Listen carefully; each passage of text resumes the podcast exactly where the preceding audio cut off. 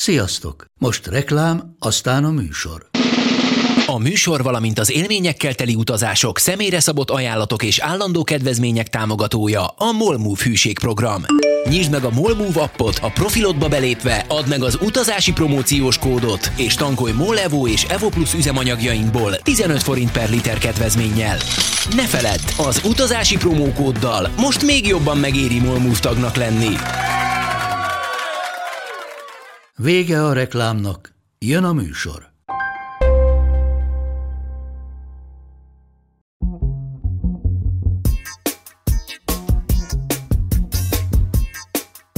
Sziasztok, drága hallgatók! Én Mátai András vagyok, ez pedig itt az Utazási Podcast harmadik része, amiben nekivágunk Közép-Amerikának. Egy lakóautóval, egy évig, négy gyerekkel. Igen, igen, tudom, elsőre elég ijesztőnek hangzik, de meglátjátok, hogy ez lehetséges. A László család megcsinálta. Vikivel és Marcival a hogyanokról, a felkészülésről és az élményekről beszélgetünk, na és persze felteszem a legfontosabb, na de mi bül kérdést is. De nem is rabolom tovább a szót, induljunk hát el Közép-Amerikába.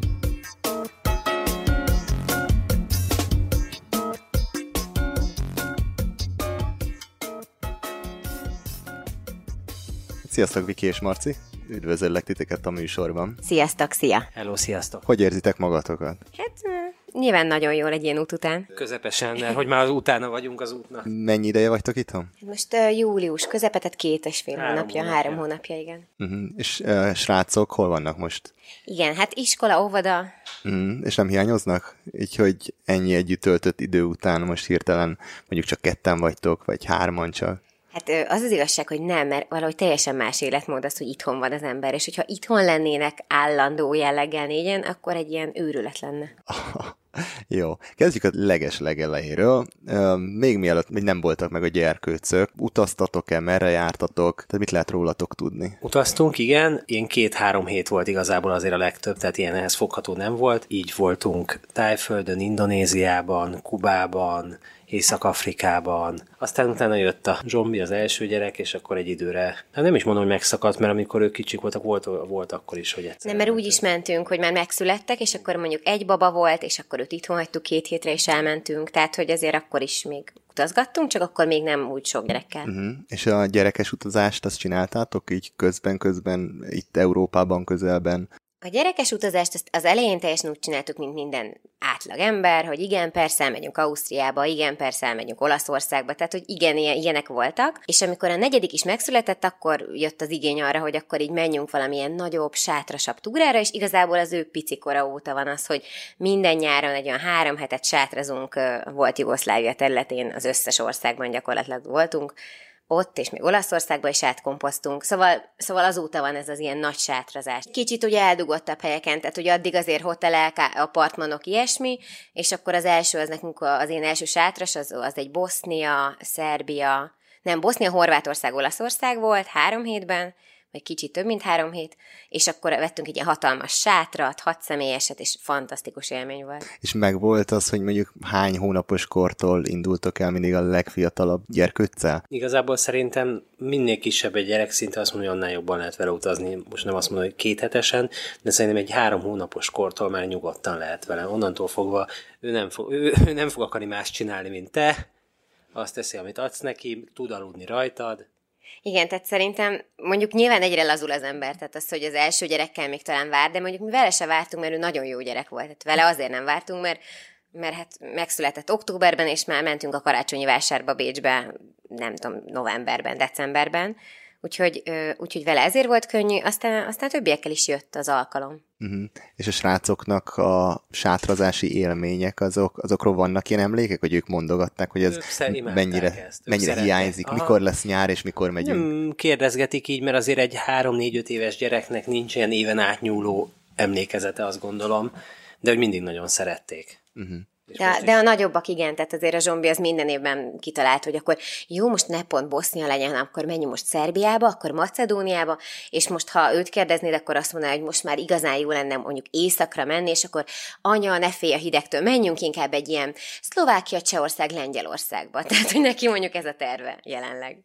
Az egyik interjúban azt hallottam, hogy azt mondtátok, hogy az egyik fő indok és lehet, hogy ez vicc, de szerintem van alapja, hogy az volt, hogy télen nagyon hideg van itthon, és hogy a gyerekeket öltöztetni nem, milyen ez nem macera. vicc, ez nem vicc. Én annyira utálom a hideget, de szerintem azért ezzel sok anyuka van így. És, és hát igen, az öltöztetés négy gyereknél azért az már olyan, hogy így a kettőre könyörögni kell, a két nagyobbra, hogy de vedd fel a sapkádat, meg a kesztyűd, meg a nem tudom mit, a kicsikre meg rá kell erőltetni, és mivel ez a négy évszak van, minden évszakban van egy olyan két hét, ami egy ilyen igazi nettó szívás, amikor mindig át kell alakítani, hogy akkor most már ne rövid nadrágot vegyél, hanem hosszút, és akkor, de most eljött a bakancs ideje, és ez borzalmas szerintem, és hát ugye hát ehhez képest az, hogy egész évben kisnadrágban és topban lehet az ember, ez így hm, összehasonlíthatatlan. És mikor jött a nagy tervnek az ötlete, az első ötlet?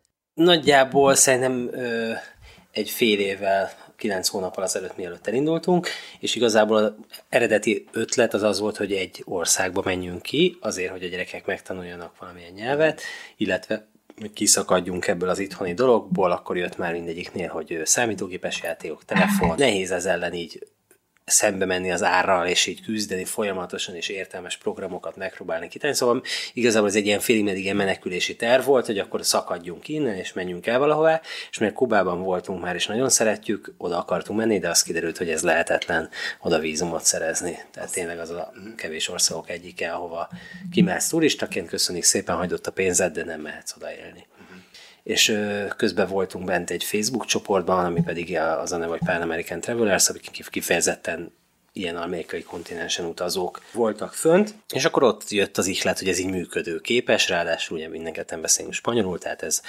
ez szerencsés, és nagyjából végigvettük a világot, és kizárásos alapon maradt ez, mert Ausztrália úgy éreztük, hogy egy picit lassú nekünk, picit unalmas talán, lehet, hogy nem az, nem akarok senkit megbenteni, akinek egyébként Ausztrália a szívecsücske, de mi így éreztük. Ázsiában nehéz autóval így menni országok között, nehézebbek a határátlépések, mások a szabályok, nincs ez maga ez a lakóautós sztori nem annyira működőképes, tehát lakóautóval akartunk menni, mert ahhoz még picik. Mert hogy a, a Kuba után, hogy kiderült, hogy a Kuba nem lehet, akkor el is vetettétek azt, hogy egy ország? Igen, ezt nagyjából azért vetettük el, mert, mert az összes ország, amit így kinéztünk, hogy Mexikó, vagy valami dél-amerikai ország, mindegyikre azt mondták, hogy drága, nem jó, valami, valami baja van, vagy, vagy úristen közveszélyes, és nagyobb bűnözés, és akkor, akkor az volt, hogy egyik sem volt annyira vonzó, hogy egy évet ott töltsünk, különösen azért, mert nem voltunk még egyikben sem egy percet sem, és azért annyira mi sem voltunk merészek, hogy azt mondjuk, hogy jó, oké, nem érdekel, hogy nagy a bűnözés. A... Mexikóban akkor is ide megyünk. Igen, vagy hogy rábukunk a térképre, hogy majd ez jó lesz nekünk. Tehát tényleg az más volt. Kubát ismerjük, szerettük, tudjuk. Igen, tehát úgy, úgy egy évet elmenni valahogy már egyszer voltál, akármennyi ideig, pár napot akár, az úgy más, mint az, hogy így tényleg a teljesen ismeretlenbe. Most már lehet, hogy elmennék teljesen ismeretlenbe, hogyha, hogyha olyan referencia személyek mondanák, hogy, hogy igen, ez jó hely, akkor lehet. De akkor még nem volt ez meg bennünk, és ezért volt az, hogy hát jó, akkor legyen több ország. És ráadásul a vízummal sincs gond, mert hát akkor mindenhova elég a turista vízum. És ha mondjuk Kubában nem lett volna a vízum probléma, akkor az összes többi ilyen hátráltató tényező miatt még mindig oda mentetek volna? Gondolok itt a élelem hiány bizonyos helyeken, hogy nem tudom, egészségügyi ellátás. Nagyon sok szülő például úgy választ országot, hogy milyen az egészségügyi ellátás, ha valami baja lesz a gyereknek. Na most Hát én, én nem tudom, nekem ezek, amiket felsorolsz hátráltató körülmény, szerintem ezek nem léteznek Kubában. Tehát ez nem igaz, hogy nem lehet élelemhez jutni, mert a turistáknak van turistabolt, meg van a helyi bolt, és a turistabolt az tele van mindennel. Ez az egyik, a másik meg én igenis azt hallottam, hogy Kubában tök jó az orvosi ellátás. Most nyilván nem egy USA színvonalhoz mérjük, de én azt hiszem, hogy Kubában nem rossz az alapellátás. És egyébként meg mivel járnak oda turisták, nyilván vannak olyan kórházak, amik ha fizetősek, akkor azok jók. Tehát, hogy ezek nem hiányoztak volna, inkább, inkább azt nehezen tudtuk elképzelni, hogy, hogy Kubában ugye eleve nem lehet tulajdonhoz jutni, eleve nem nagyon lehet így bizniszelgetni, választ, vá- igen, vállalkozni, és ezt, ezt, ezt azért úgy tudtuk volna elképzelni, ha valamit csinálunk egy éven keresztül. Tehát az, hogy amíg ők iskolába járnak, én csak úgy malmozgatok, az, az úgy nehéz lett volna elképzelni. Úgyhogy ez volt egy másik, hogy jó, jó, a vízum sem, de hát mondjuk jó, akkor kiutazok, beutazok, mondjuk egy kicsit nehéz egy szigetről, de hogy egyébként még egy kis kávézót se lehet kialakítani, vagy egy ilyen kis Airbnb-s szobakiadást, hogy legalább valami kapcsolata legyen az ember kül- külföldiekkel. Tehát, hogy erre is annyira iszonyatosan bonyolult megszerezni az engedélyeket, hogy kizárt, és hogy egy év alatt ezt így meg tudtuk volna csinálni. Úgyhogy ezek is amellett szóltak, hogy ne Kuba aztán. Az eredeti terve az volt, hogy San Franciscóból egészen le Patagóniáig, ugye? Hát nem is Patagóniáig, de, de Buenos Airesig. De Buenos Airesig. Igen. Ebben nem volt semmi tudatos megfontolás, hanem egyszerűen olyan beláthatatlannak soknak tűnt az egy év, hogy azt gondoltuk, hogy ez alatt minden belefér. Igen, aztán ott hamar kiderült, hogy ez nem így van. És mondjuk, hogy terveztétek, vagy megvizsgáltatok, hogy a, van ugye a Darien Gap, például ott Panama meg Kolumbia között, tehát hogy ilyen dolgoknak ut- persze, utána persze, néztetek? Abszolút nem? utána néztünk, és ajánlatokat is kértünk már ennek a megoldására, ugye ott ilyen konténerhajókkal viszik át az autókat, és hát az kiderült, hogy ez horror összeg. Végülis ez volt az egyik ok, miatt, hogy nem mentünk át Dél-Amerikába, mert már viszonylag kevés idő is lett volna ott, plusz ez egy horror összeg, horror macera, úgyhogy ezért maradtunk. Aha. Mennyi idő után gondoltátok azt, hogy na itt már nem fogunk lejutni a dél-amerikai kontinensre? Hát igazából Kosztarikában döntöttük el legvégül, tehát, tehát a végén. Hamar, Három hónapunk maradt. Azt hamar tudtuk, hogy nem fogunk lejutni Buenos Airesig.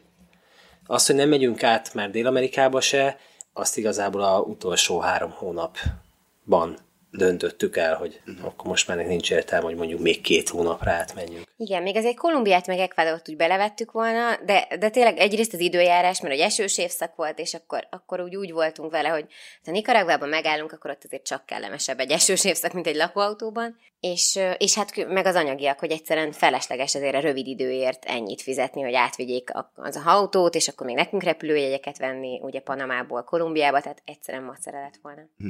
És ezen kívül mi volt az eredeti elképzelésetek? Meg volt, hogy bizonyos országokban mindenképpen el akartok menni, mennyi időt töltetek, vagy a teljes nyitott volt az egész? Hát egyrészt teljesen nyitott volt, másrészt Közép-Amerika topográfiája miatt itt nem nagyon vannak választások, tehát egészen. hogyha föntről mész lefelé, akkor nagyjából minden országon keresztül mész. Azt, hogy ott most hova, melyik úton menjünk és mit nézzünk meg, az mindig így egy-két hétre előre alakult. Hát igen, ott maximum annyi választásunk volt, hogy akkor most Honduras vagy Salvador, és akkor igen. egyébként ez felmerült, hogy most akkor melyik a veszélyesebb, és Salvadort választottuk, hogy az kevésbé. De valószínűleg tök mindegy. Valószínűleg mindegy, igen.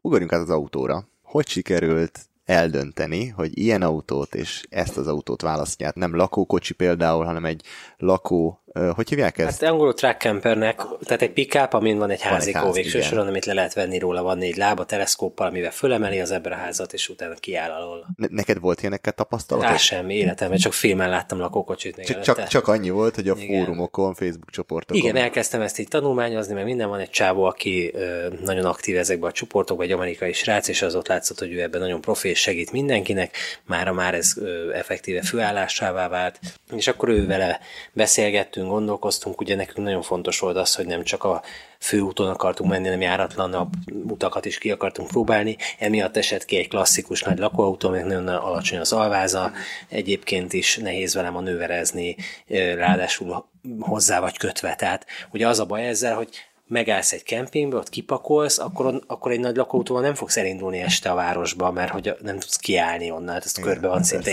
építve. Tehát ezért jött az, hogy hát akkor valahogy ez nem annyira, akkor ugye másik lehetőség még a lakó, magyarul azt hiszem a lakókocsinak hívják azt, nem lakó, Hát amit, Amikor amit húzol, magad, húzol után, magad igen. után, igen. Mindegy, mindegy, az azért nem volt jó, mert az, az utak nagyon igen, keskenyek, ugye? Amikor, tehát a lakókocsi, igen, az, az is kiesett, hogy húzzuk magunk után, mert hogy állítólag, tehát úgy most már azt mondom, hogy egyébként nem lett volna lehetetlen, de végül is azt mondták, hogy nagyon sok kisebb, keskenyebb úton, ahol azért azzal manőverezni nehéz. Biztos nehéz lett volna. Egyébként azt mondták, hogy főleg Ecuador meg, meg onnan lefelé lett volna nehéz. Tehát ugye Mexikó még csak-csak, meg ráadásul nem az esős évszakban voltunk, ami azért kedvezett annak, hogy lehessen vezetni. Na és akkor így jött végül is mm, ez a megoldás, ez a track camper, amivel ugye egyrészt rugalmasak voltunk, mert le tudtuk venni a kempingben, és ott hagyni a házat, és még az autó valami maga egy ilyen brutális állat volt a maga 6.8-as benzines 10 hengeres motorjával, avval aztán bárhova el lehetett jutni, és el lehetett menni. Úgyhogy végsősorban ez egy jó választás volt, annyi, hogy egy kicsit, kicsit drágább, mint, hiszen két külön egységet kell megvenni, nagyobb odafigyelést igényelt, hogy ezt megtaláljuk, hogy olyat, ami elbírja ezt a nagyot, egy olyan speciális track kellett, ezt végül két külön helyen vadáztuk le, az egyiket Alex vette meg nekem, tehát ez a srávó, csávó, aki segített, magát a trákot azt ő találta, a kempert meg én találtam interneten, és az is egy nagyon mázli sztori volt, ez ami kereskedőnél volt Amerikába, kirakta, én pont aznap keresgéltem, mert ugye ebből speciális kellett, hogy hatan elférjünk egy olyan, aminek van hátul egy kihajtható sátra, ez ugye a, a videókon, a YouTube-os videókon látszik egy csomó helyen, hogy ott ez tulajdonképpen egy külön kis szoba lett, de ez egy nagyon spéci kivitel, tehát ebből nem sok volt, és pont fölkerült egy, és mondtam Alexnak, hogy ezt most vegyük meg. Olyan olcsó volt relatív, hogy azt mondtam, hogy ha ennek valami komoly hibája van, akkor is megéri, és nem volt komoly hibája egyébként, szóval Árba körülbelül milyen nagyságrend volt? az autó az 14 vagy 15 ezer dollár volt, Ö, hozzáteszem ez több mint 10 éves volt, sőt 18 éves volt, de olyan pöpec állapotban, hogy elképett karcolás nem volt rajta, 130 ezer kilométer volt benne, szóval tényleg nagyon-nagyon-nagyon jó állapotban volt.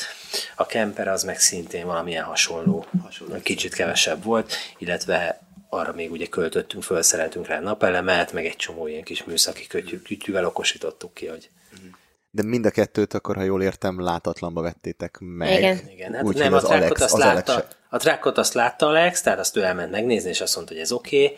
a kempert meg nem, azt csak interneten láttam, ő fölhívta a kereskedést, megkérdezte, hogy, hogy nincs semmi hibája, azt mondták, hogy nincsen, valószínűleg nem ez volt a, a core businessük, tehát nem, ők nem ilyen akartak lakókereskedők szak- volt. Igen, igen, igen, szerintem valamilyen árverésen vehették, és nekem úgy tűnik egyébként, hogy Amerikában igazából tényleg úgy működik, meg azért működik ez az egész gazdaság annyira jól, mert ott tényleg alapvetően nem az van, hogy te, neke, tehát Magyarországon szerintem az van, hogy nem hiszem hogy igazat mondasz, amíg nem bizonyítod be. Ott szerintem ez fordítva van, ott, ne, ott, ott, addig, el, ott addig igazat mondasz, amíg nem vágsz át egyszer. Igen, tehát egy ilyen bizalmon alapul ez az egész, és tényleg, ö, bár nekem egyáltalán nem annyira szívem csücske Amerika, de hogy az emberek azok végtelenül kedvesek, végtelenül jó indulatúak, és, és egyáltalán eszembe sem jut, hogy becsapnának. És ebbe, ez, hát az autónál is bebizonyosodott, hogy tökéletes állapotban volt. És akkor azt tudtátok, hogy egy ekkora helyen kényelmesen el fogtok férni, abból Nem. kiindulva, hogy vagy nem Nem voltak tudtunk. kérdések? Hát én gőzünk nem volt róla, nem tudtuk, hogy ez mekkora, úgy jó, persze meg volt, hogy hány méter. De mondjuk sátraztatok ugye sokat, Sokkal és- kisebb volt, mint a sátor. Jó, Kisebb volt, hát- mint a sátor? Hát kisebb, tehát ott azért mindenkinek volt egy idézőjelben, amit most nem hallanak a hallgatók, külön, külön szobája idézőjelben, tehát három szoba volt a sátorban, meg egy kis Hát külön nem tudom, négyzetméterre azért nem biztos, hogy kisebb. Nem biztos, hogy kisebb volt. Hát úgy kisebb, hogy persze a konyha, meg a fürdő, meg minden elvette a helyet, tehát hogy maga a közlekedőtér, meg maga a fekvőtér, az kisebb volt, de... Tehát magyarul, hogy konkrétan, ahol te, te állni tudtál és menni benne, az egy 60 centiszer másfél méteres középső kis folyosó volt. Igen. Jó, de milyen hatalmas ágyunk volt, nagyobb, mint itthon. Igen. Nem, aztán igazából nem az elférés, hanem mindenki ettől, ezt kérdezgette előtte, és nyilván ez fölmerült kérdés, hogy ilyen kis helyen összezárva nem fogunk egymás agyára menni. De erre a válasz egyértelműen az lett, hogy nem. Nem, de egyébként nekem a pakolásnál azért felmerült. Tehát amikor így raktuk össze a nagy-nagy hátizsákokat, meg a nem tudom, éves tan- tanszereket a két gyereknek, akkor, akkor azért felmerült, hogy ezt hova fogom ott elsüllyeszteni. Tehát, hogy lesz ennyi pakolóterem, hogy az összes ruhát, az összes, ö, nem tudom, esőcuccot, tehát azért rengeteg minden volt, amit vittünk, és minden elfért gyakorlatilag. És akkor ti kirepültetek San Francisco volt ez a pont, ahol ezt... Miami-ba, Miami-ba mentünk, mert azt még előtte megvettem a repülőt. Olyan olcsó repülőjegyet találtam, hogy azt mondtam, hogy na, akkor erre lecsapunk, és akkor ugye még nem tudtam, hogy hol lesz az autó, és az autót mégis Alex Seattle-ben vette meg őt, megkértem, illetve megfizettem, hogy hozza le Los Angelesig, én oda repültem Los Angelesbe, ott megvettük a házikót rá, azt ráraktuk, és ő, onnantól ő elment, én meg fölmentem San Franciscoba, és akkor Vikék oda repültek Miami-ba, és ott vettem föl őket, és onnan kezdődött a Jó, még mielőtt nekiindulunk a, az egész útnak, gondolom visszatérő kérdés szintén, hogy hogyan lehetett a srácokat kivenni a suliból, és ez hogy működik. Hát, nehezebb hát nézd, az a baj, hogy egyébként Magyarország az nem túl egyszerű, és tök szívesen adnék mindenkinek tök jó tanácsokat, de most pont ugye idén ezt megszüntették, ami Ez nekünk mi, volt. mit szint? Ez a Ne- magántanulóságot mi, mi szüntették meg? magántanulón belül úgy hívták, hogy szüneteltetett jogviszony, de mivel most már nincs magántanuló, most már ilyen nincs. Tehát Mármint, hogy az egész így fogalmat fogalmat át, megszüntették? áttranszformálták most valami csak más más. Nem, hát más a neve is. Nem tudom, mi a neve, és én most olvastam valami formanyomtatványt erről, és akkor lehet választani, hogy miért nem megy a gyereked, nem tudom, mert ö, képessége miatt, stb. stb. És akkor van egy ilyen, hogy mert külföldön fogja tanulmányait folytatni. Na most hát az a baj, hogy ebben nem fértünk volna bele, mert ő nem fogja a tanulmányait folytatni. Vagy hát ha azt annak veszik, hogy én tanítom, akkor persze beixelhetem, de Ugye azért Kell ez nem pont hivatalos ugyanaz, papír, mint... mondjuk egy iskolától? Nem tudjuk még, mert Most nem el. tudom, mert még idén nem kértünk ilyet, de majd jövőre próbálkozunk nyilván. Mondjuk hát Latin Amerikában miről nem szerez az ember papírt? Jaj, nem mondj ilyet, nem mondj ilyet. Hát végül is jártak Nikaraguában iskolában másfél hónapot, úgyhogy... És csak az iskolával van ilyen probléma? Hát Nem, az óvodával, az óvodával is, is ugyanez? Abszolút, nem, nem, az óvodával nem teljesen, bár lehet, hogy most már az egész óvodával van. Amikor mi voltunk, akkor csak az utolsó évvel volt probléma, mert a, az utolsó évet kötelező óvodába járni. Én azt hiszem, hogy most viszont már három éves kortól kötelező az ovi, tehát valószínűleg most már három éves kortól probléma ez a gyerek elvitel, de viszont, de viszont az intézményvezetőn sok múlik, és egy nagyon-nagyon rendes, intelligens intézményvezető volt az óvodában, aki megoldotta ezt a papírkérdést, és egyszerűen ennyi. És a srácok vizsgáztak, amikor hazajöttek? Igen. Vizsgázni kellett? Igen, igen, évvégén vizsgázni kellett, augusztusban vizsgáztak, mindenkinek jól, jól sikerült, öt tantárgyból kellett vizsgázni, és nem volt gond. Tehát így tényleg jó, jó indulatúak voltak a vizsgán. Uh-huh. És közben, út közben meg ti tanítottátok ők, őket, ugye? Ha jól tudom. Igen, igen, igen. Elvittük az összes tankönyvet, az összes kötelező tankönyvet, és akkor abból minden nap, vagy hát minden hétköznap, vagy ahogy éppen sikerül, de volt egy ilyen időbeosztásunk azért. Hetente 10 órát tanítottunk mindketten. Ami azért egészen komoly egyébként, és ezt az elején elégen, elég szigorúan tartottuk, aztán vége felé már, ugye mi láttuk, hogy már végére értünk az anyagnak, meg egyáltalán akkor egy kicsit ezen azul lazultunk, meg nyilván kreatívan értelmeztük azt, hogy most nem, nem kellett ez leülni mindig egy asztalhoz, tehát egy csomó órát, azt hogy Persze, ugye utazás közben, utazás tehát amíg közben. Marci vezetett, addig beszélgettünk. A környezetet rendszeresen a kocsiban tartottam, mert ahhoz nem kellett, hogy olvasson, vagy ilyesmi. Ezt én felolvastam, és beszéltünk róla. Ti hogy élveztétek? Egy A kicsit ilyen... Igen, az. hát volt tantárgy, amit jobban volt, amit kevésbé. Egyébként én élveztem, az, az meglepően élveztem, ahhoz képest olyan azt hittem, hogy ez nekem nagyon nem fog menni. Ugye, én, én tanítottam a matekot, meg az angolt egyébként, én azt hiszem, hogy ezek könnyebb dolgom volt, mert ezek azért mégiscsak ilyen exaktabb Igen. dolgok. Egy olvasásra nyelvtannal lehet, hogy nem. Hát egyébként én meg ugye a mm, olvasás nyelvtant, meg a, meg a környezetet, és az olvasás nyelvtant azt élveztem, kivéve persze nagyon ellenálltak, mert azért olyan is volt, de környezetet azt nagyon nem. És hogyan osztottátok meg, hogy mondjuk a, a, a Zsombor a legidősebb, hogy ő neki nyilván más kell tanulnia, mint mondjuk a, a fiatalabbaknak? Hát egyszerre tanítottuk. Külön, el, Persze, külön meg volt, hogy na Külön, akkor most gyere igen. Zsombor, most ilyen óránk van, és Igen. Sajnos nem lehetett tömbösíteni őket. Aha. Jó, induljunk el. Megérkeztetek akkor az úton, megláttátok a kocsit, bepakoltatok, fel, gondolom volt egy pár napos felkészülés, vagy nem vágtatok egyből neki Hát az az van, hogy én előre mindent Amazonon megrendeltem, amit azt hittem, hogy minden, aztán persze Aha. a három hét Amerikában, amíg voltunk, az mindig arról szólt, hogy én bújtam a telefonot, és a következő kempinghelyre rendeltem Amazonon csomagokat. De a lényeg az, hogy végső soron nekivágtunk az útnak, először az amerikai nemzeti parkokkal, amik ott voltak Kaliforniában, meg Utahba, és, És akkor az első pár hét azzal telt, hogy Mati szerelt. Tehát ha megálltunk egy kempingben, akkor így eltűnt a tetőn, vagy eltűnt jobbra-balra, akkor mindent beszerelt a kocsiba, de teljesen felszerelte így még az USA-ban. Igen, meg felszereltük, megvettünk bele mindent, tehát mégiscsak föl kellett konyhai készlettel szerelni. Igen, az, az például nagy élmény volt a gyerekeknek, mondtam, hogy akkor most itt mindenki olyan ágyneműt választ, amilyet akar, és akkor nem tudom, a jégvarázsostól az akármig. Igen, ilyen mesefigurásokat választott mindenki, és nagyon boldogok voltak ettől.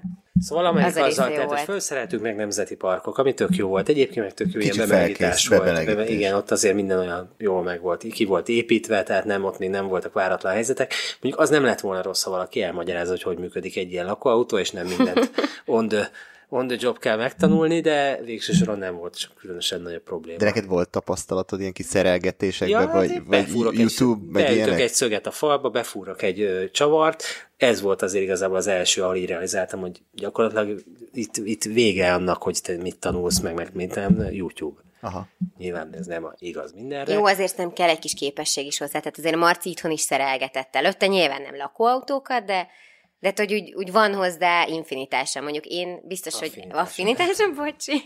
Szóval, hogy így én hozzá sem nyúltam volna De- egyik részéhez sem. De nem, tehát hogy tényleg semmi. Megnézed a videót, ott van ugyanaz a napelem, amit te is megvettél, megmutatja, hogy mit, hogy kell. Jó, azon belül nyilván ki kell tárni, hogy akkor most hova fogod rakni, meg ilyenek, meg mérlegelni, hogy akkor most kell-e csar, vagy elég a ragasztó. De úgy alapvetően igen, tehát az a, a, a, azzal. Bármi közben a kocsival, vagy technikai hibátok volt, azt na, sok helyen elmeséltétek, amikor beragadtatok a tengerparton, Igen. azon kívül. Ne, nekem az egyik ilyen első, egyébként a tengerparthoz kapcsolódik részben, amikor mentünk a tengerpart felé egy ilyen nagyon rázós úton, és akkor Marci elfelejtett az egyik ilyen kis ajtócskát bezárni, Ez mert ezeket így kulcs, igen. igen, kulcsra kell zárni külső kis rekeszeket, és akkor azokban van ilyen, hogy gázpalack, meg zsinórok, meg nem tudom micsoda, és az egyikben egy ilyen nagy-nagy cső volt, ami egyébként a Szennyvízcső. és az ki, kiesett gyakorlatilag, és akkor onnantól kezdve a szennyvizet ezt nem tudtuk egy ilyen csövön kivezetni, hanem csak így az ember így kiengedte, és így jött, és spriccelt mindenfelé, és hát az egy olyan három hét volt megrendelni egy ilyet, vagy én nem is tudom, mert az már Mexikóban volt, és hát, hogy Mexikóba el, meg, megtalálni egy kempinget, ahova megbeszélni, hogy akkor ide majd jönne három hét múlva majd valami esetleg, és még lehet, hogy még fizetni is kellene érte. Tehát az volt az első ilyen kis pici kaland, és akkor három hétig nem volt csövünk. Volt benn WC, meg fürdő? A, a, Igen. Aha, tehát volt saját fürdőtök, WC-tök. Igen, igen. Nélkül azért ez, az, az, az, már talán nekünk is túl nomád lett. Na egyébként ezért gyerekkel nagyon fontos. De most komolyan, tehát, hogy a gyerekkel mész lakóautózni, akkor a WC az az egyik legfontosabb dolog, mert mindig pisilni kell valakinek. Egyébként ez a városban is probléma. Mondjuk szerintem itthon nagyobb probléma, mint külföldön, mert ott vannak WC-k, nyilvános WC-k. És a kempingről kempingre mentetek? Tehát használtatok ezt a úgymond kemping közösséget, Van egy, térképeket? ilyen, van egy ilyen applikáció, igen, az iOverlander, ami egy tök jó, és ott nagyon jól működik. Nem csak kempingekbe, tehát vannak ö, ö, van is olyan, hogy van olyan kategória, hogy informális kemping, ami gyakorlatilag az, hogy nem kemping, hanem mondjuk étteremnek a parkolója, ahol megengedik, hogy ott legyél, hogyha mondjuk kajász, vagy ilyesmi, és akkor van a vad kemping. De hát egyébként azáltal, hogy tényleg a, a fejlettebb országokból mentünk a kvázi egyre fejletlenebb felé, volt egy ilyen ö, átmenet, amit így mi is érzékeltünk, hogy, hogy már így nem volt igény annyira a dolgokra egy idő Pont után. ezt kép- ki akartam kérdezni, nyilván Amerikában egyszerű, meg Mexikónak bizonyos persze, részén, hát Mexikó a is csatorna fölé odaállok, kiengedem a szennyvizet, ott helybe megtöltöm magam. Tehát nyilván az elején még így húztam a számat, hogy Mexikóban most miért kell arrébb állni, hogy megtöltsük a vízünket, és akkor egy idő után ez nyilván fel sem merült, hát természetes, hogy arrébb kell állni. Örültünk, a volt víz. Igen, örültem, a víz volt. És ahogy haladtatok egyre délebbre, egyre romlott az infrastruktúra, Teljesen, és, a, teljesen és már kempingek se voltak onnan egy Igen, tehát Guatemalában például nem is volt kemping, egy, egy, egyetlen helyen sem. Ott például ez a csatorna dolog, ez így az útszélén kellett megoldani, mert egyszerűen nem lehetett máshova. Tehát, hogy az volt, hogy akkor igaz, sima vizet ki lehetett engedni ott magad mellé, mert ez mondjuk csak fürdővíz, és nem nagyon használtunk sampont, meg nem tudom, ilyesmit, tehát tényleg sima víz volt, de hát a WC tartálynak a vizét azt nyilván nem lehetett ott leengedni a fűbe, ahol álltál, úgyhogy, úgyhogy igen, ez például egy probléma volt, de meg lehetett oldani. Na, Mexikó. Ö, mit csináltatok, merre jártatok, mennyi ideig voltatok? Mexikó óriási nagy ország, sokkal nagyobb szerintem, mint amit gondolunk. Sokkal gazdagabb ország, mind, mind valós értelem, meg mind átvitt értelemben. Szerintem körülbelül fejlettségi szintje az egyébként körülbelül Magyarországinál van az egyfőrétú GDP, tehát ez nem harmadik világ, és, és abból a szemben is gazdag, hogy gyönyörű látnivalók vannak benne, mind kulturális, mind pedig természeti téren.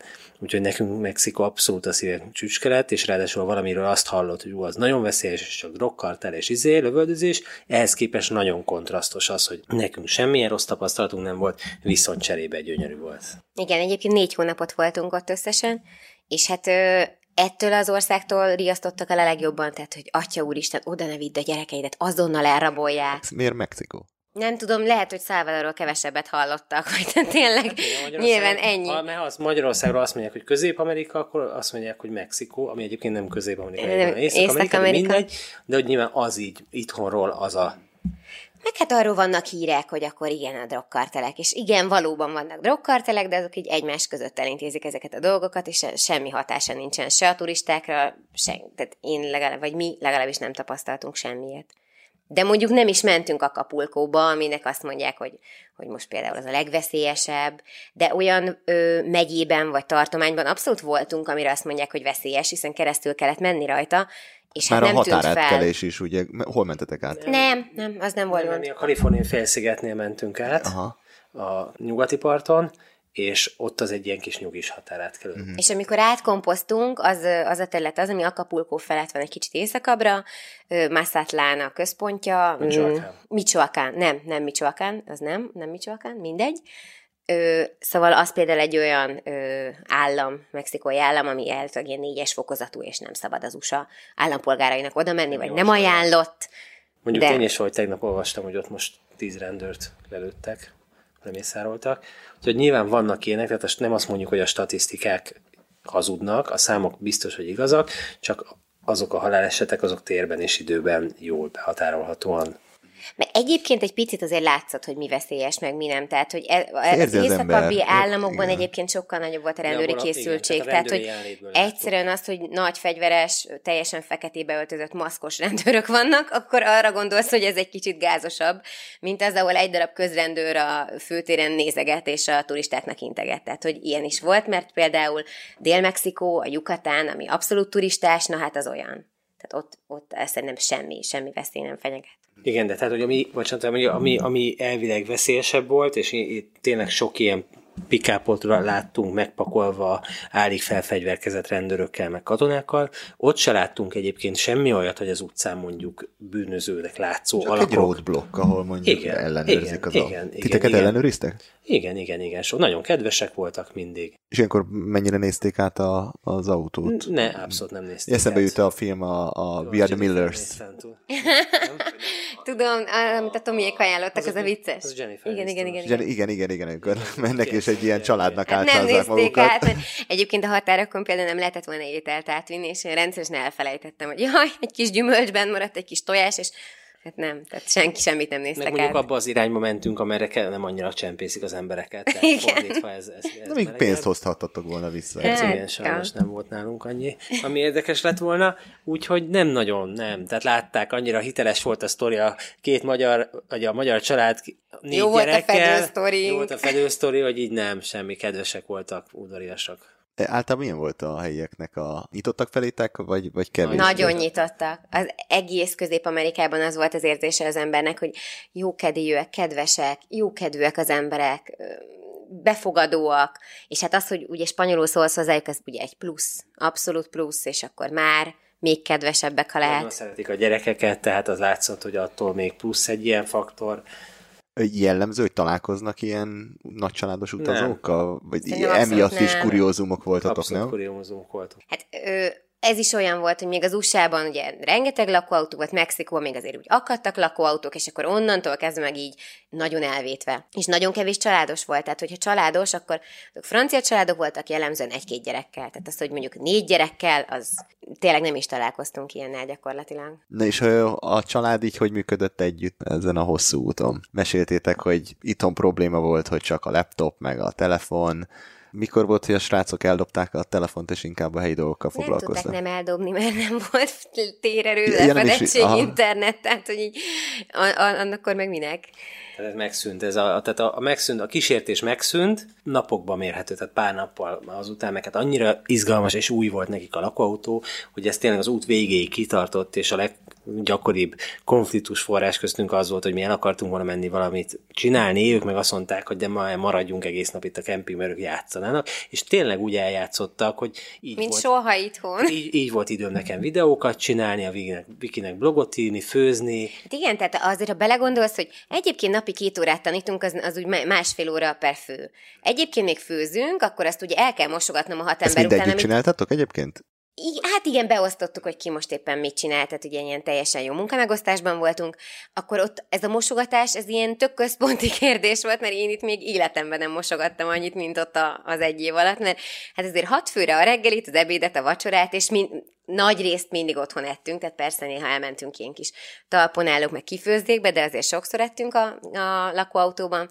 Tehát, hogy ez rengeteg-rengeteg idő volt, és emellett még azért jutott idő tényleg a Marcnak videót csinálni, nekem egy kis blogot írni, és még kirándulni, és még a gyerekekkel lenni, és ez azért volt, mert a gyerekek azok nem az volt, hogy nyúltak rajta, nem az volt, hogy de unatkozom, de csináljunk valamit, hanem ők négyen el voltak non-stop 24 órában. Akkor azért szülőknek az, az egy, Ez egy ilyen álom. á- álom. Ezt testem szoktam mindig mondani, hogy azért jó elmenni, mert akkor együtt van az egész család non-stop, és nem az van, hogy hazaesik munka után, és van pár óra a gyerekekkel játszani, hanem ott az egész nap. Igen, meg az egész hozzáállásod más, mert itt, ha azt mondja, hogy jaj, hadd segítsek már a főzésben, akkor jaj, na hagyjál, mert most csinálom, és csinálj valami mást, mert hogy legyünk túl rajta gyorsan, stb. Ott meg nincs ilyen. Ott meg persze, ülj le, vágd fel a virslit szívem, semmi gond. Tehát, hogy egyszerűen jobban bevonódnak, egyébként is mindenben jobban bevonódnak, mert azt látják, hogy te mit csinálsz, és szeretnének ők is részesei lenni. És a helyi kajákra ö, mennyire álltak ők át? Semennyire. Az volt, hogy megláttak egy, nem, nem tudom, egy megkit, és akkor apa menjünk a mekivel. Igen, nem volt. Egyrészt nem volt meg, itthon se voltak még soha meg, nem, ők nem voltak még McDonald'sba, tehát emiatt ez nem egy kísértés nekik, de nem, hanem igazából csak, ők nagyon csak az ilyen basic kajákat eszik, amiket Viki csinál nekik, ez egyben jó is, meg egyben rossz is, nagyon Hát igen, mert kell a tojás, a liszt, a só, és nem kész kost- is vagyunk. Nem kóstolnak meg semmit jellemzően. Nem az volt, hogy akkor, ha ott vagytok a tengerparton, csak tengeri herkentyűk, Ah, vagy nem. nem. tudom, kaktusz, mert olyan is volt tényleg, hogy nekik megcsináltam a nokedlit, vagy a, nem tudom, palacsintát, és akkor azt mondtuk, hogy jó, akkor most elmegyünk egy fél órára, és eszünk valami rendeset. És akkor ez így, így volt a kompromisszum. Szerintem itt egy év alatt több paprikás csirkét és Tényleg? és csirkét ettem, mint az el, el, előtte 38 év alatt összesen. De, és ez nektek, ti ezt élveztétek, meg gondolom, ti meg megkóstoltatok volna minden helyi dolgot. szempontból nem élveztük egyáltalán. Mert Nem, azt, ne- hogy neki kellett főzni, persze, hogy nem, mert ha már mondom, hogy ki, már fülemen jött ki ugyanaz a kaja mindig, ezért volt az, hogy mi néha elmentünk, és ettünk valami finomat. Ők nagyon unalmasan esznek, tehát ők szerintem az iskolába se eszik meg a sokféle dolgot, és nem azért, mert rossz a menza, hanem egyszerűen ilyen De, mono, és, és meg se kóstolt, tehát nincs is, nem is volt igény. Megkóstolták mondjuk a tortillát magában, és esetleg egy kis hússal, de hogy bármi szósz, vagy Meg, zöldséget bele. megették, meg jó, megették azért, amikor az utcán volt ö, ilyen grillcsirke, rizssel, ilyenek. Tehát ilyen, nem arról van szó, hogy nem esznek az utcán, csak hogy ilyen nagyon basic dolgokat. Meg a, avval se volt gond, hogy vettünk takót, és akkor ők megették a, a tortillát a hússal, mi meg beleraktuk azt, amit ott ugye kiraknak eléd, és megízesítettük. Gyümölcsök, vagy nem tudom, avokádó, például pont a típus a mexikói Nem, avokádó. újdonságokat nem, de, de nagyon Mangót. boldogok voltak, Mang- amikor voltak mang- azok a mang- gyümölcsök, amik mangó- itt is ismertek. Mangót, ananászt, a négyből kettő, az mondjuk evett. Igen, de mondjuk Mexikóban még egy csomó helyen volt eper, málna, hát azért nagyon oda voltak.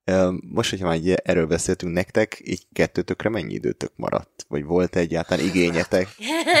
Maradt. Mert hogy itt az ötödik már úton van az Igen, ötödik is. igen, igen. Csemete. Öm, Visszatérő maradt. kérdés, előzetesen azzal kalkulálni, hogy viszunk egy sátrat, ami lesz egy ilyen kis elvonuló sátor.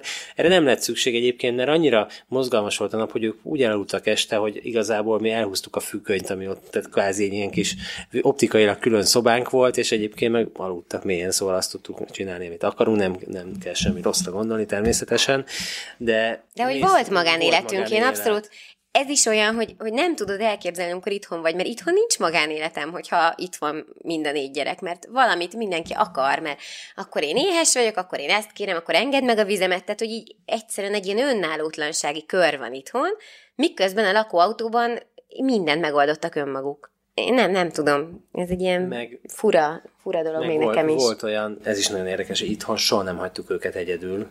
Ott meg volt olyan, hogy a kempingbe egyedül hagytuk őket, és elmentünk mondjuk vacsorázni. Igen, ott hagytuk az egyik mobiltelefont, volt rajta internet, és akkor ha van valami, akkor írsz egy messengert, és akkor jövünk.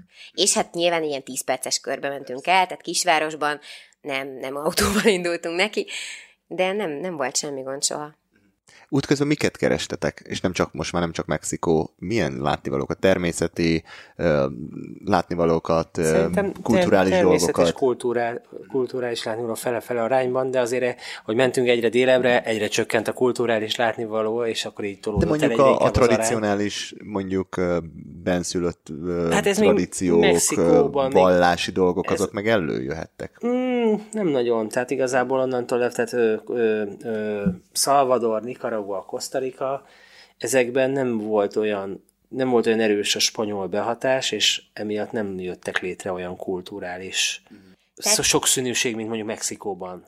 Igen, tehát mondjuk mm, gyönyörű a kerámiájuk, de, de ez nem egy olyan, hogy akkor most egy múzeumban elmentünk és megnézzük a nikaragvai kerámiát, hanem van egy olyan falu, ahol mindenféle cserépedényeket készítenek, és akkor oda elmentünk, megnéztük, tehát hogy volt azért ilyen része is, de, de valóban más. Én egyébként azt hiszem, hogy mi inkább ilyen természet közelbe, én, én nagyobb százalékot hát adnék. Mexikóban nem, ahogy gyönyörűek voltak a városok is, meg voltak indiáromok is. Gyakorlatilag a magyar romok azok Guatemala-tól délre már nincsenek, tehát ott nem voltak indián romok, é, é, viszont nem voltak olyan spanyol városok se, vagy spanyol, tehát ö, ö, ö, koloniális, koloniális városok. Hát ő, kivéve aztán Nicaragvát, ahol megálltunk. De bocs, de például, ö, ha már ez az én kettősség, akkor Kosztarikában például nagyon hiányzott a kultúra. Tehát, hát hogy nulla. ott egyszerűen nulla. Egy olyan város nincsen, amiben azt mondod, hogy most megállunk itt, és akkor de sétálgatunk. Említésre méltó város nincs. Viszont, viszont, viszont, termé- viszont a természeti adottságok hány százalék az országnak nemzeti park? Valami... Tudom, Rengeteg, de egyébként én azt gondolom, hogy a természeti adottságai azok olyanok, mint Nikaragvának, csak Nikaragvában egy kultúra is van. Nem, azért nem. Hát, nem. jó, van egy-két esőerdője pluszban. Tudnátok minden országról egy kedvenc, és egy, vagy le, kicsit legyen érdekesebb is, egy, egy kevésbé kedvenc történetet vagy eseményt mondani, és mondjuk akkor Mexikó, és akkor mehetünk sorba. Nekem Salvadorban egy ilyen érdekesség jutott eszembe, nem is tudom, hogy negatívumba vagy a pozitívumba rakjuk. Amikor a Lonely Planetből kinéztem, hogy na, van itt egy kis vízesés a kisváros mellett, menjünk el.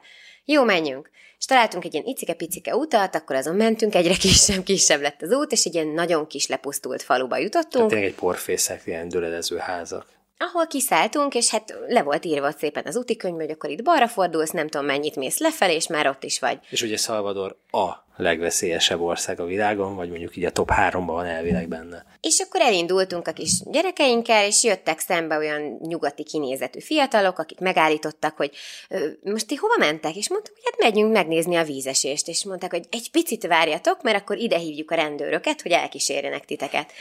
És először, hogy néztem, hogy most ez mi, és tényleg egy öt percet vártunk, amikor is megjelent három darab gépkaravélyos fekete ruhás katona, meg egy rendőr, akik elmagyarázták, hogy akkor ők most vigyázni fognak ránk, és akkor eljönnek velünk. És aztán nyilván Marci elkezdett beszélgetni velük, meg én is, és kiderült, hogy, hogy ez nem egy ilyen légből kapott dolog, hogy most minket miért kísérnek el, vagy hogy, hanem, hanem ez két bandának a határvidéke, pont a folyó, és hogy ott azért szoktak harcok lenni, és nem azért, mert hogy a turistákat bántanák, vagy ilyesmi, csak hát ha rossz helyen vagyunk, akkor az nem olyan jó.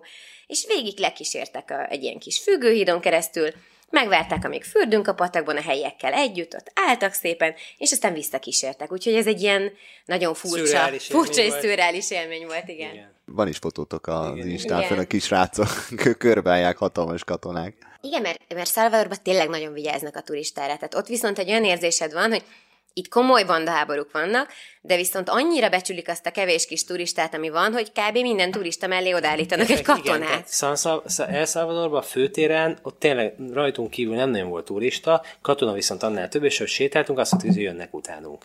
Tehát ott gyakorlatilag több katona van, mint turista, és szerintem ott mindenki ilyen személyes védelmet kap, de az az egy hely volt az egész út során, ahol lementünk a főtértől a piacra, és azt mondtam, hogy most innen forduljunk vissza. Mert, az, mert hogy nem volt jó érzés, igen, igen az nem volt. Nem, tehát ott nem. Aha. Az... Uh-huh. Hát érzi az ember igen, egyébként. Igen, igen, Mennyire így voltatok ott? Két hetet voltunk Szalvadorban. És ugye a összkép az milyen volt az országban? Nagyon így? kedvesek az emberek, iszonyatosan nyitottak, nagyon szegények egyébként. Egyébként nekünk nagyon bejött, tehát nagyon, nagyon szép ország, nagyon klassz természeti adottságokkal, tehát egyébként nagyon szép volt, de a GDP alapján elvileg gazdagabb, mint Nicaragua, de úgy kinézetre abszolút nem. Tehát valami, valami nekem nem stimmel, mert nekem Salvador volt az abszolút legszegényebb az út során. Volt bármikor olyan tapasztalatok, ahol le akartak húzni titeket, vagy ilyen rossz élmény bármivel kapcsolatban? Egyszer Mexikóban megállított a rendőr, és a, az ilyen topénél, hogy akkor keresztül mentél, és, és ott talán még fizettünk is. Baja Kaliforniában, amikor a nem az, amikor a stop táblánál nem álltam majd? Le, de stop tábla volt. Hát figyelj, azt, hogy nem állsz meg a stop táblánál, és megállít a rendőr, akkor ja, fizetsz? Persze, persze. Hát szóval ezzel nem, Jó, oké, okay, igen. Viszont utána Nicaraguában már nagyon sok olyan volt, hogy megállított a rendőr, és én megmondtam, hogy én nem fogok fizetni, és akkor aztán a vége mindig az volt, hogy akkor menj el. Jó, de ott nem volt, amit elkövettél, hanem hát ilyen hülyeségek még, voltak, hogy kitalált valamit. Még, de, hát attól még. de mindent kimagyarázott a végén, tehát tényleg volt valamilyen, hogy nincsen... Ö... Nincsen, kérdezi, van-e ö, elakadási jelző? Van, oké. Okay tűzoltókészülék. Igen. Mondtam, hogy Hát ez nincs. röhögtem, hogy micsoda. Hát, hát az kötelező. Hát mi az, hogy, hogy, hogy nincs? Nem tudtam, hogy kell. Hát akkor én most akkor a- a- elveszi a jogosítványomat, és akkor majd a legközelebbi rendőrösen visszakapom, és akkor fizetni kell büntetést. Mond- és mondtam, hogy hát nem, ez így nem lesz jó, mert hogy én ezt nem tudtam, hogy ezt fizetni kell, és egyébként is nekünk nagyon tetszik ez az ország, és azért vagyunk itt, mert szeretjük, és ez szerintem igazán nem szép dolog, úgyhogy, most, úgyhogy, úgyhogy ez így nem lesz jó. És akkor így álltunk, ő mondta, hogy hm, hm, én is mondtam, hm, hm, és akkor mondta, hogy hát akkor most mi legyen, ugye nyilván várt, hogy megkenjem. Én megmondtam, hogy hát akkor most az legyen, hogy most visszaadja a jogosítványomat, elenged minket, és megveszem majd a következő faluba a, porral oltót, és ezt köszönöm szépen. És akkor így látszott, hogy így gondolkodik egy-két másodpercig, és akkor visszaadta a jogosítványt, hogy viszontlátásra. Igen. És ezután még működött kétszer egyébként, mert nem, akkor egyébként beraktam a camperből utána a tűzoltókészüléket, úgyhogy utána mással találtak meg. De hát olyan is volt, mert ugye az első rendszámot lesztettük, és csak hátul volt? Igen. Igen, hogy megállított, és hát, hogy magának nincs első Miért rendszáma.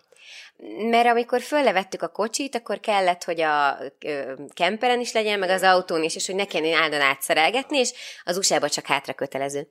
És akkor mondja, hogy de hát nincs magán előrendszám, és mondta Marci, hogy hát nincs. És akkor így nézett, hát jó. És akkor menjen tovább. Tehát, hogy valahogy nem tudom, mire, mire akart Annyira, kiukadni. annyira kilógtunk szerintem a keretek közül, hogy így nem tudtam mit kezdeni velük. Én, én ezt nagyon szeretem Latin Amerikában, mindig van valami megoldás, mindig van B opció, mindig valahogy el lehet intézni. Hát ez van, akinek fekszik, van, akinek nem fekszik nyilván. Na, aztán menjünk tovább az országokon. Akkor Salvador az ez volt, illetve szerintem a legjobb élmény Salvadorban, hogy ott ö, ezzel a programmal, ami mutatta, hogy hol lehet megállni, nagy nehezen, mert rossz helyre tette, meg nem is volt róla értékelés, meg eljutottunk egy kávéföld közepén, kávé ültetvény közepén egy strand, amit a kávé szövetkezetnek a strandja, és akkor mi kitaláltuk, hogy oda mi beszeretnénk állni. Mondták, hogy hát szó sem, nem miért még nem volt egyáltalán, meg minden, kint megállhatunk, meg majd jön a főnök, és akkor majd vele megbeszéljük. És megjött a főnök, aki egy ilyen joviális 40-50 közötti csóka volt, és hát teljesen oda volt, hogy mi turisták jönnek ide. És mondta, hogy persze, beállhatunk a strandra. Igen, tehát ez egy olyan strand volt, ami mondjuk egy ilyen 150 forintos belépős strand volt teljesen helyieknek. Nem az volt a lényeg, hanem az, hogy beállhatunk a kocsival, Igen. és akkor az éjszaka bezárták, szóval és egész nap ott voltunk a tök jó strandon, ahol egyébként ugye ez olyan strand volt, hogy az folyt a víz, a, tehát a, ez természetes vízzel volt töltve minden medence, és akkor ott körbevezetett, aztán ott pörkölték a kávét, meg minden, szóval, hogy az szerintem nagyon jó Igen, volt. ez olyan eszméletlen vendégszeretet volt, és az volt az első helyünk Salvadorban, tehát hogy így jól indult az egész. Igen. Na, akkor nézzünk mondjuk egy Guatemalát. Guatemalában történt az, hogy egyébként Guatemala City-ben elromlott az autó, az, az nagyon szar volt. Most Igen, talán ez persze- volt a legrosszabb így az egész út során. Maga a megoldás volt a szörnyű, vagy, Nem, vagy a, az, hogy a, a szitu az, hogy a, a Guatemala City az egy ocsmány nagyváros, és négy sávos autópályák szelik, és azt vettem észre, ráadásul Viki anyuká is velünk volt, tehát heten voltunk akkor az autóban, egyszer csak azt vettem észre, hogy ö, alapjáraton lefullad az autó, tehát nullásban tehát automata, tehát megáll, nem is üred, de megállok, igen, tehát ha nem adok gázt, akkor lefullad az autó.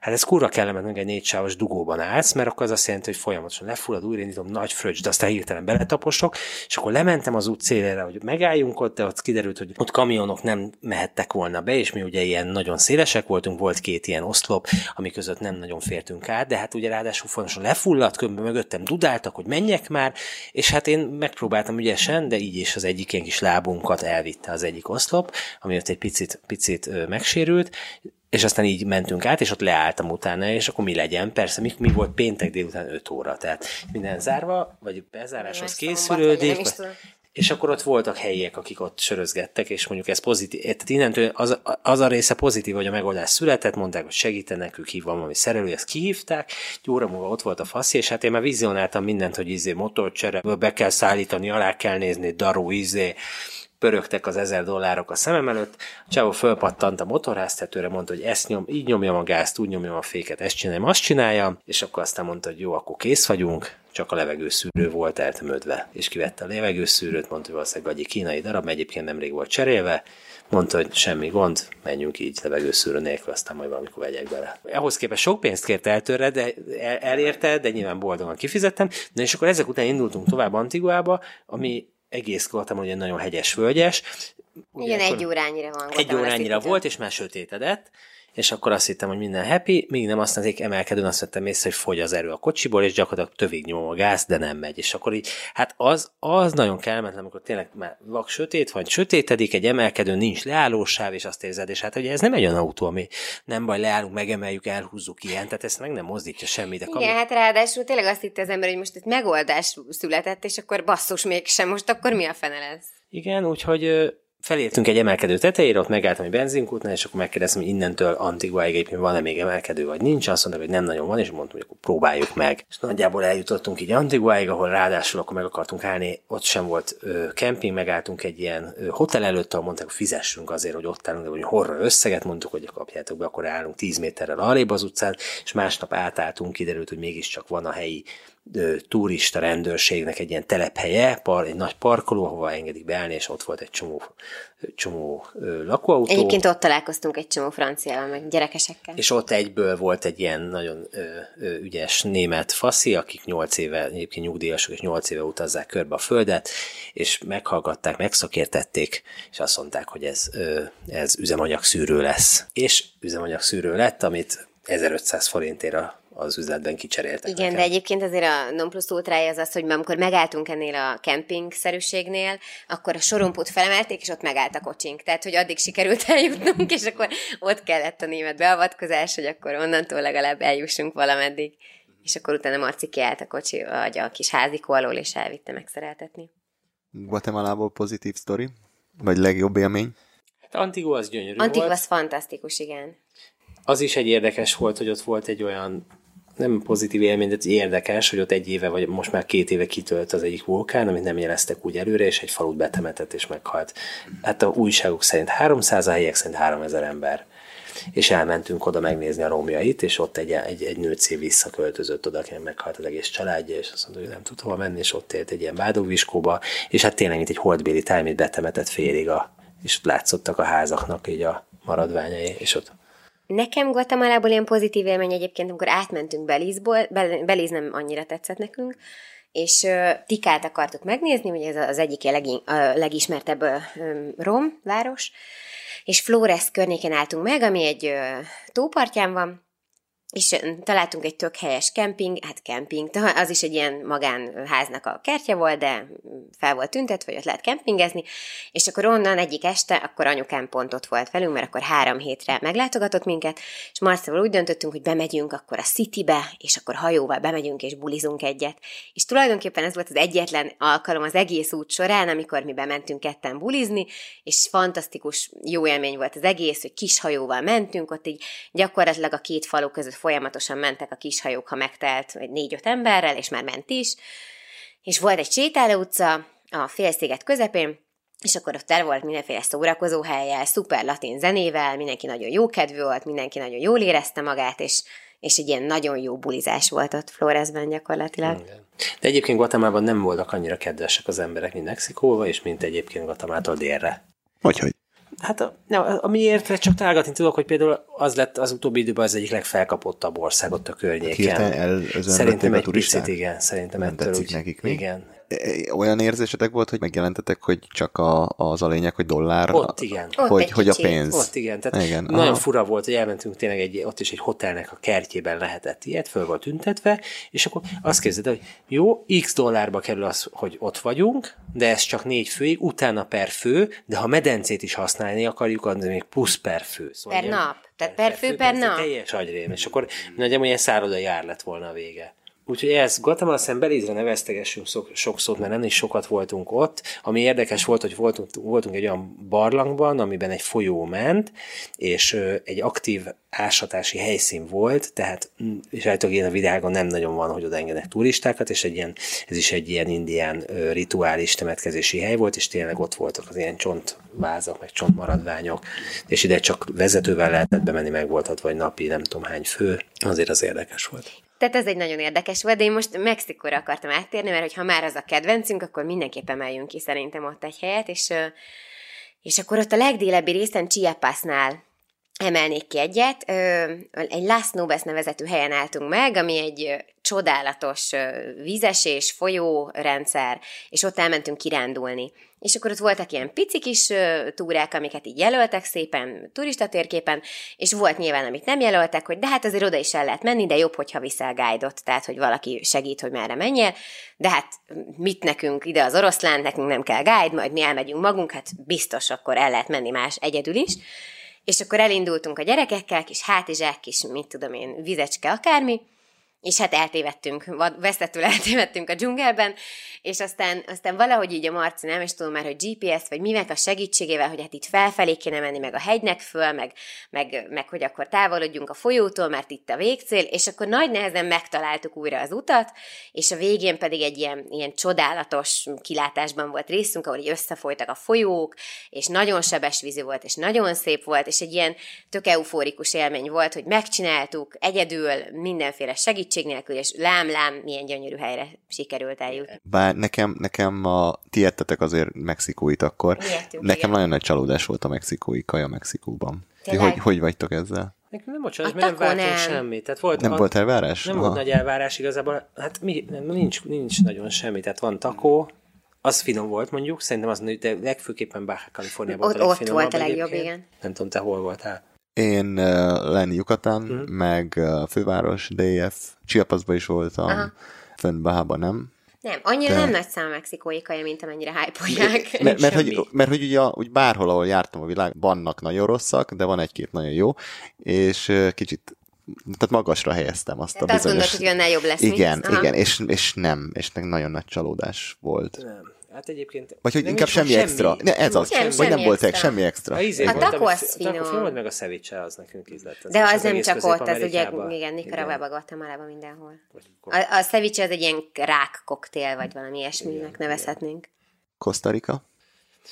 Costa Rica gyönyörű. Tehát Brutál ez- drága, tényleg? Brutál Igen, drága, tehát Amerika szintű drágaság, viszont nincs meg az a színvonal hozzá, már mint szolgáltatás színvonal. De semmilyen szinten. Tehát, hogy a kempingben is úgy érzed, hogy hát Ezért fizetek. könyörgöm, hát Salvadorban jobb volt, Igen. és, és horror drága. Picit csalódás volt, mert tényleg ugyan a természet gyönyörű, de nulla-nulla kultúra, minden nagyon lehúzós, tehát olyan szinten, hogy mondjuk Amerikába megvettük az egyéves nemzeti park belépőt, ami egy kocsira van, és annyian mentek, annyian akartak, hogy 25 dollár, és egyébként máshol is az van, Disneylandben is kifizetsz mondjuk nem kevés pénz, 100 dollár, de akkor azért egész nap ott vagy, és minden, és itt meg tényleg azt csinálták, hogy jó, nemzeti park. Függőhíd, 5 dollár fejenként, Ja, de hát ezért nem mehetsz el a túraútra is, az másik 5 dollár, ha ezre a túrára mész, és a másik izé túrát, mert mint érts, ösvényre, azért külön fizessél még. Szóval, hogy így Igen. tényleg durrán le, le, az ilyen nemzeti parkokban, egy csomó ilyen magán nemzeti parkszerűség, ahol ilyen,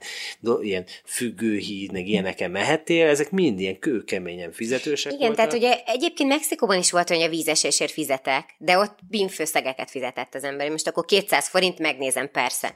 De Kosztarikában mindenért nagyon sokat. Úgyhogy nem, ez, ez a És, és cserébe mondjuk, a cserébe, amit kaptatok, már mint természetileg, Szép. az szép, Szép. volt? Tehát mondjuk a szép. környező országokhoz képest igen, is? én azt mondom, igen, Viki azt mondja nem. Nem tudom, én, de, de én is azt mondom, hogy igen. Én csak azt mondom, hogy az embernek a hangulatát meghatározza az, hogy az, hogy egy olcsóbb Rossz országból jöttünk, és ezért itt nagyon lehúznak minket, és akkor így van egy olyan rossz érzésed, hogy hát nagyon-nagyon szép ez a vízesés, de hát ez Basszus. micsoda szemétség. Meg nyilván nekünk azért ilyen el voltunk kényeztetve azért, mire odaértünk Ba- Baromira. Ha valakinek van két hete, akkor az megértem, hogy az menjen oda, mert egy pici- icipici helyen iszonyú sok látnivaló. Persze, sok... meg hát akkor nem baj, hát akkor szórom a pénzt abban a két hétben, csak így, így valahogy az volt, hogy hát ez nem ár, most ezért nem akarom. És akkor egy pár dolgot kihagytunk egyébként, de nem sajnálom, mert, mert elmentünk helyette ingyenes túrára, meg, meg elmentünk, volt olyan, hogy ilyen melegvizes fürdő, és olyan is van ingyenes, tehát meg lehet találni ezeket, csak elég nehéz. És sok az expat? Azt mondják, igen. Nem is tudjuk, ezt hát nem azért tudjuk, mert laktunk például az egyiknél három napig. Hát jó, igen, de... német házaspárnál, akik úgy volt, hogy esetleg érdeklődnek az autó iránt, és mondták, hogy jöjjünk el, megnézzük az autót, cserébe lakhatunk náluk a kis vendégházba, vagy a vendégház kertjébe, de nagyon jó volt egyébként az is, vagy kellemes volt. Úgyhogy ez Kosztarika, és akkor közeledünk végső soron Nicaraguához, ami, ami tulajdonképpen a szívünk csücske lett. Ez úgy alakult, hogy megálltunk egy Granada nevezetű városba, ez a legrégebbi koloniális város Közép-Amerikában, tehát ezt alapították a legrégebben tulajdonképpen a spanyol hódítók, és egy gyönyörű koloniális kisváros, nagyon bájos hangulata van, kicsit most így, így belegondolva, ez Kubára emlékeztet, Igen. tehát olyan, mint a Kubában lettünk volna, és mivel mentünk lefelé Kosztarikába, és oda kellett érnünk, mert ott meg a hugom látogatott meg minket, ezért eléggé sietnünk kell, tehát három napot tudtunk csak itt megállni, de láttuk, hogy ez milyen szép, akkor, és akkor döntöttük, hogy nem megyünk át Dél-Amerikában, nem akkor ide jöjjünk vissza. Má- már Panamába sem mentetek Már akkor? Panamába sem mentünk emiatt. Igazából Panamáról azt olvastuk, hogy nem fog újat adni. Tehát, hogy olyan, mint Kosztarika, picit talán olcsóbb, de ugye természete hasonló, stb. stb. És akkor visszajöttünk ide, illetve már ebbe a három napban kibéreltünk egy házat, ugye itt volt egy felkelés, amiatt az árak eléggé bezuhantak, kevés turista jött, tehát végső soron ezer dollárért kibéreltünk egy ilyen palotát, ami elképesztően jó volt, mert mint ezer dollár per hónap, amiben benne volt minden fogyasztás, plusz a, a szobalány, aki mondjuk Igen, kellett takarítónő. hangzott, hogy van takarító, Heti ötször, hatszor, bocsánat. Idegesítő volt, de nem lehetetlen mondani, úgyhogy... De ebben volt medence takarítótól kezdve a kertészig minden, tehát hogy ott, ott ez azért egy kicsit másképp megy ez a Igen, e- emberi és akkor munkaerő. visszajöttünk Kosztarika után. És akkor ez annyira megtetszett ez a, ez a hely, hogy azt mondtátok, hogy ide, ide akar visszajönni. Igen. Az, a, az az nehéz egyébként Nikaragvában, hogy nem tudsz, vagy én legalábbis nem tudok egy helyet úgy ö, kiemelni, vagy egy dolgot, hogy na hát ez, ezért kell oda menni. Mert hogy van egy ö, varázsa a városnak, ami megfog, meg van egy varázsa a fél órányira lévő ö, la, lagúnál, tónak. vulkanikus tónak is, ami megfog, de hogy mondjuk azt nem mondanám, hogy csak ezért utazz el a világ végére, mert nagyon-nagyon szép, de a, lehet, hogy ahhoz egy picit kevés talán, de úgy nekünk, így az út végére, ez itt tökéletes levezető volt, meg, meg maga az egész környezet, meg az embereknek a kedvessége, meg úgy az egész légkör egy ilyen nagyon békés, nagyon kedves, nagyon nyugodt, egészen más volt. És jól tudom, hogy akkor ott vettetek is egy házat? Igen, igen, igen, igen. Ez is csak egy ilyen kósza ötletként jött, hogy körül már, hogy akkor mik vannak. Volt egy elképzelés, és ö, annyit nem kaptunk. Ez egy ház volt, ami, ahol egy kanadai tulajdonos nagyon meg akart tőle szabadulni. E- emiatt, hogy volt ez a Nem, lá- lázongás? vagy? Hát ö, amiatt estek be azért az árak, ő meg azért akar megszabadulni, mert, mert, mert egy ilyen, ő ilyen call center üzemeltet, és Managá- Managuába, a fővárosba akart venni egy másik ingatlant, úgyhogy mondtunk egy szemtelenül alacsony árat, és akkor valahol a kettő között megállapodtunk, de hogy summa summarum egy magyar, vagy budapesti garzon lakásáráért vettük meg azt a házat, amit még ő négy hét alatt föl is újítottunk, mert hogy munkaerő az volt bőven, tehát az egész földszinti részen a teljes padlóburkolatot fölszedték, ráadásul ott ilyen cementkerámia burkolat van, ami ilyen másfél-két centi vastag, és viszont nagy falakat bontottunk, egész villanyhálózatot kicseréltük ott ezen a szinten. Úgyhogy Hát és akkor azt most ki van adva, amíg nem vagyunk ott. És ott mennyi időt töltöttetek ott a végén? Hát ebben a házban sem ennyit, tehát ebben három napot, de úgy összesen fél Nikaragvában majdnem három hónapot, igen, kettő és fel. És mik a terveitek? Hogy itt már néztetek körbe, hogy milyen biznisz lehet, amit mondtátok, hogy Kubában nem lehet kávézót nyitni, itt már vannak ötletek, hogy Hát ötletek mindig vannak. mivel, hogyan mentek vissza? Hát a fő, fő csapás az az, hogy visszamenjünk Nikaragvába, a gyerekek iskolába járjanak, Mert hogy ugye itt jártak már spanyolul. iskolába. Igen, de nem oda mennének vissza, tehát ez egy állami iskola volt, és hát szóval, hogyha rosszat tudok mondani a magyar iskolákról, akkor, akkor a nikaragvaiakról más szempontból, de, de mondjuk a színvonal az rettenetesen alacsony, de mondjuk nekünk ott tényleg csak az volt a cél, hogy megtanuljanak spanyolul, hanem vannak ott ö, ilyen nemzetközi iskolák, vagy félig meddig nemzetközi iskolák, és akkor ott oda járnának.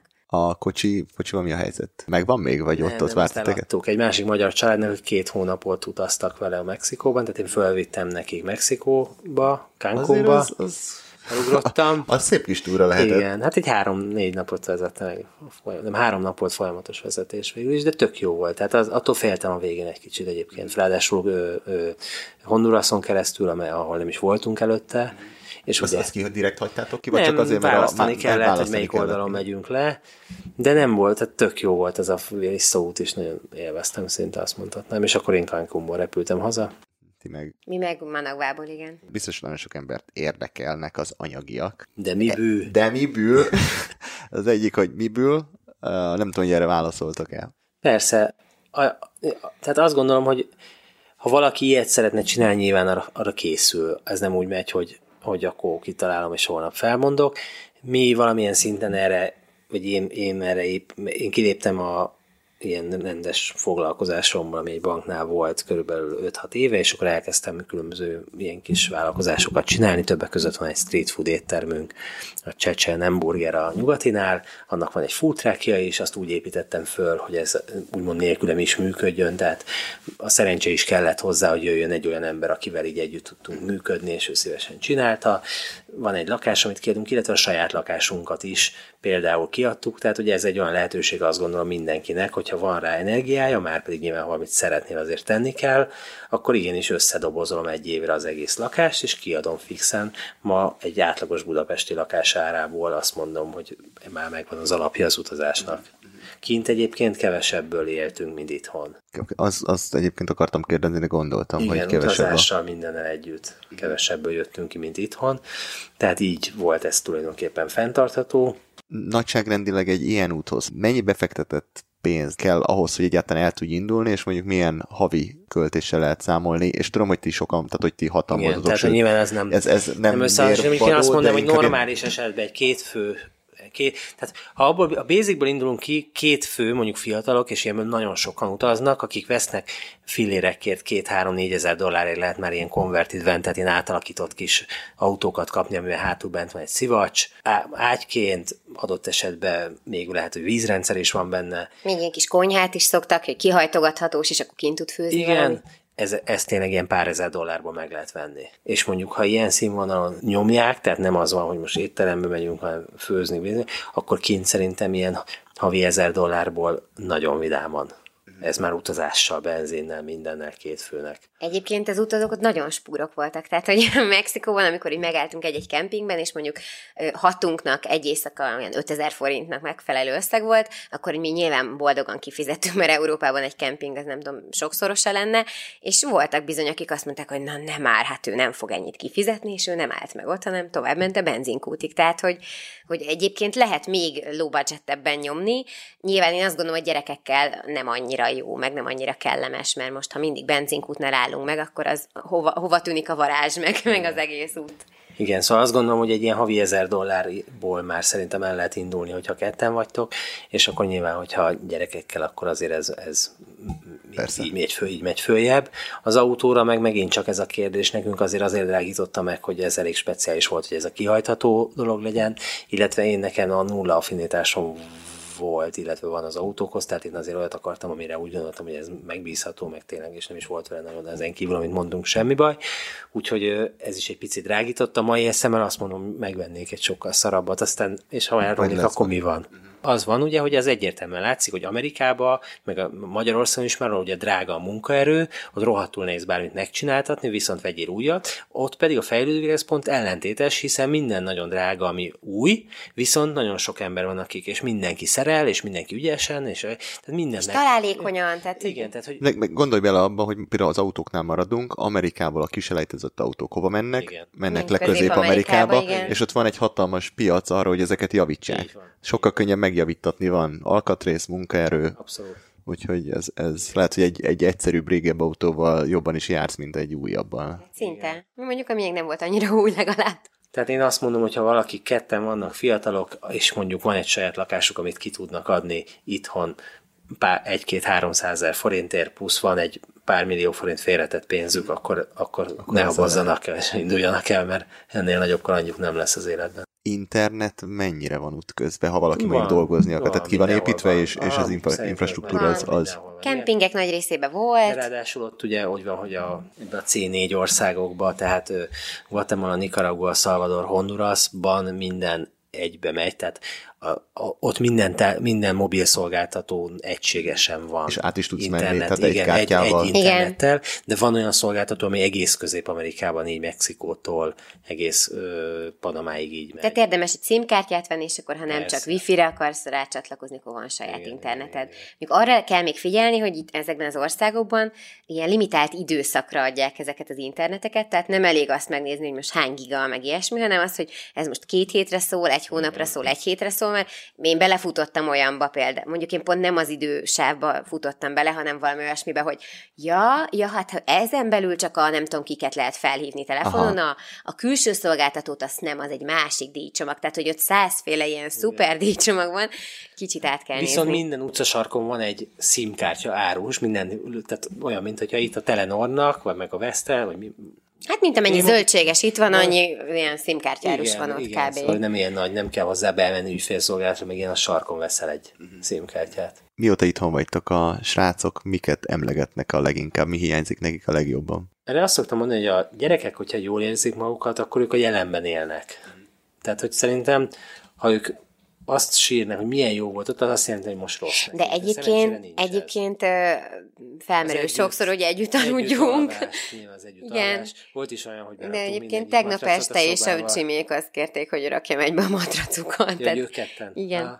Igen, tehát a két kicsi ők kifejezetten szeretnének most együtt aludni, de volt már olyan is, hogy a mi szobánkba behoztuk az összes matracot, és akkor a egy szobába voltunk mindannyian, Mhm. mert még nekem is volt erre igényem. Lesz még gondolom ilyen utatok, Igen, nagyon vagy, bízunk benne. vagy inkább csak a Granadába vissza, és oda... Nem, nem, nem csak az. Vannak terveink, igen, tehát hogy az egy év Nicaragua az ugye arról szólna, hogy megtanuljanak a gyerekek angolul, spanyolul, és akkor utána, ha minden úgy alakul, akkor szeretnénk további. Ott van még egész Dél-Amerika. Így van, így van, Meg ezt kihagytuk, meg a Föld, világ. meg a föld maradék része, igen. Hát Dél-Amerikába folytatnánk. Aztán még nem tudjuk, mert nem akarunk ennyire előre tervezni, mert akarunk menni, igen. Mindenképp, csak, csak még nem tudjuk pontosan, hogy mit és hova.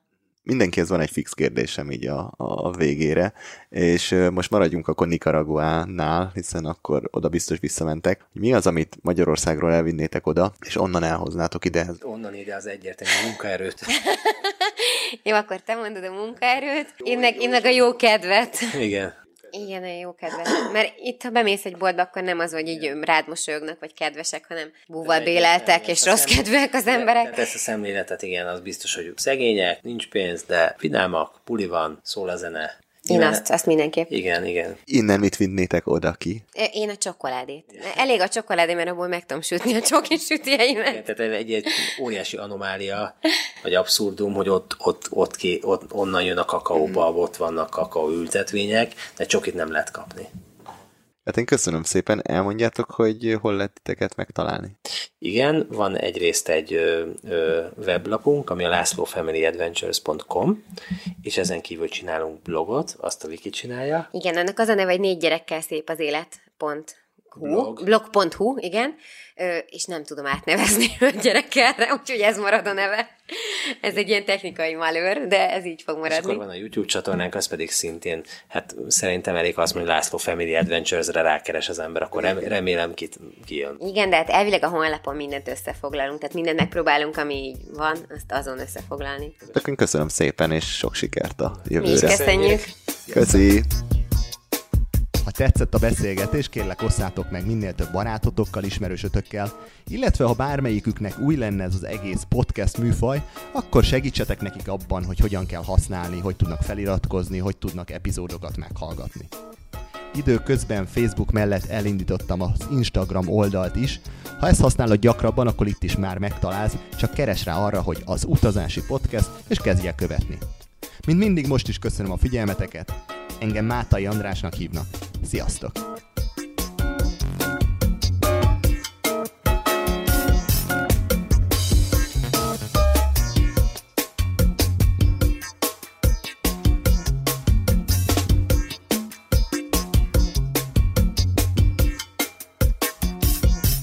Ha más podcastekre is kíváncsi vagy, hallgassd meg a Béton műsor ajánlóját.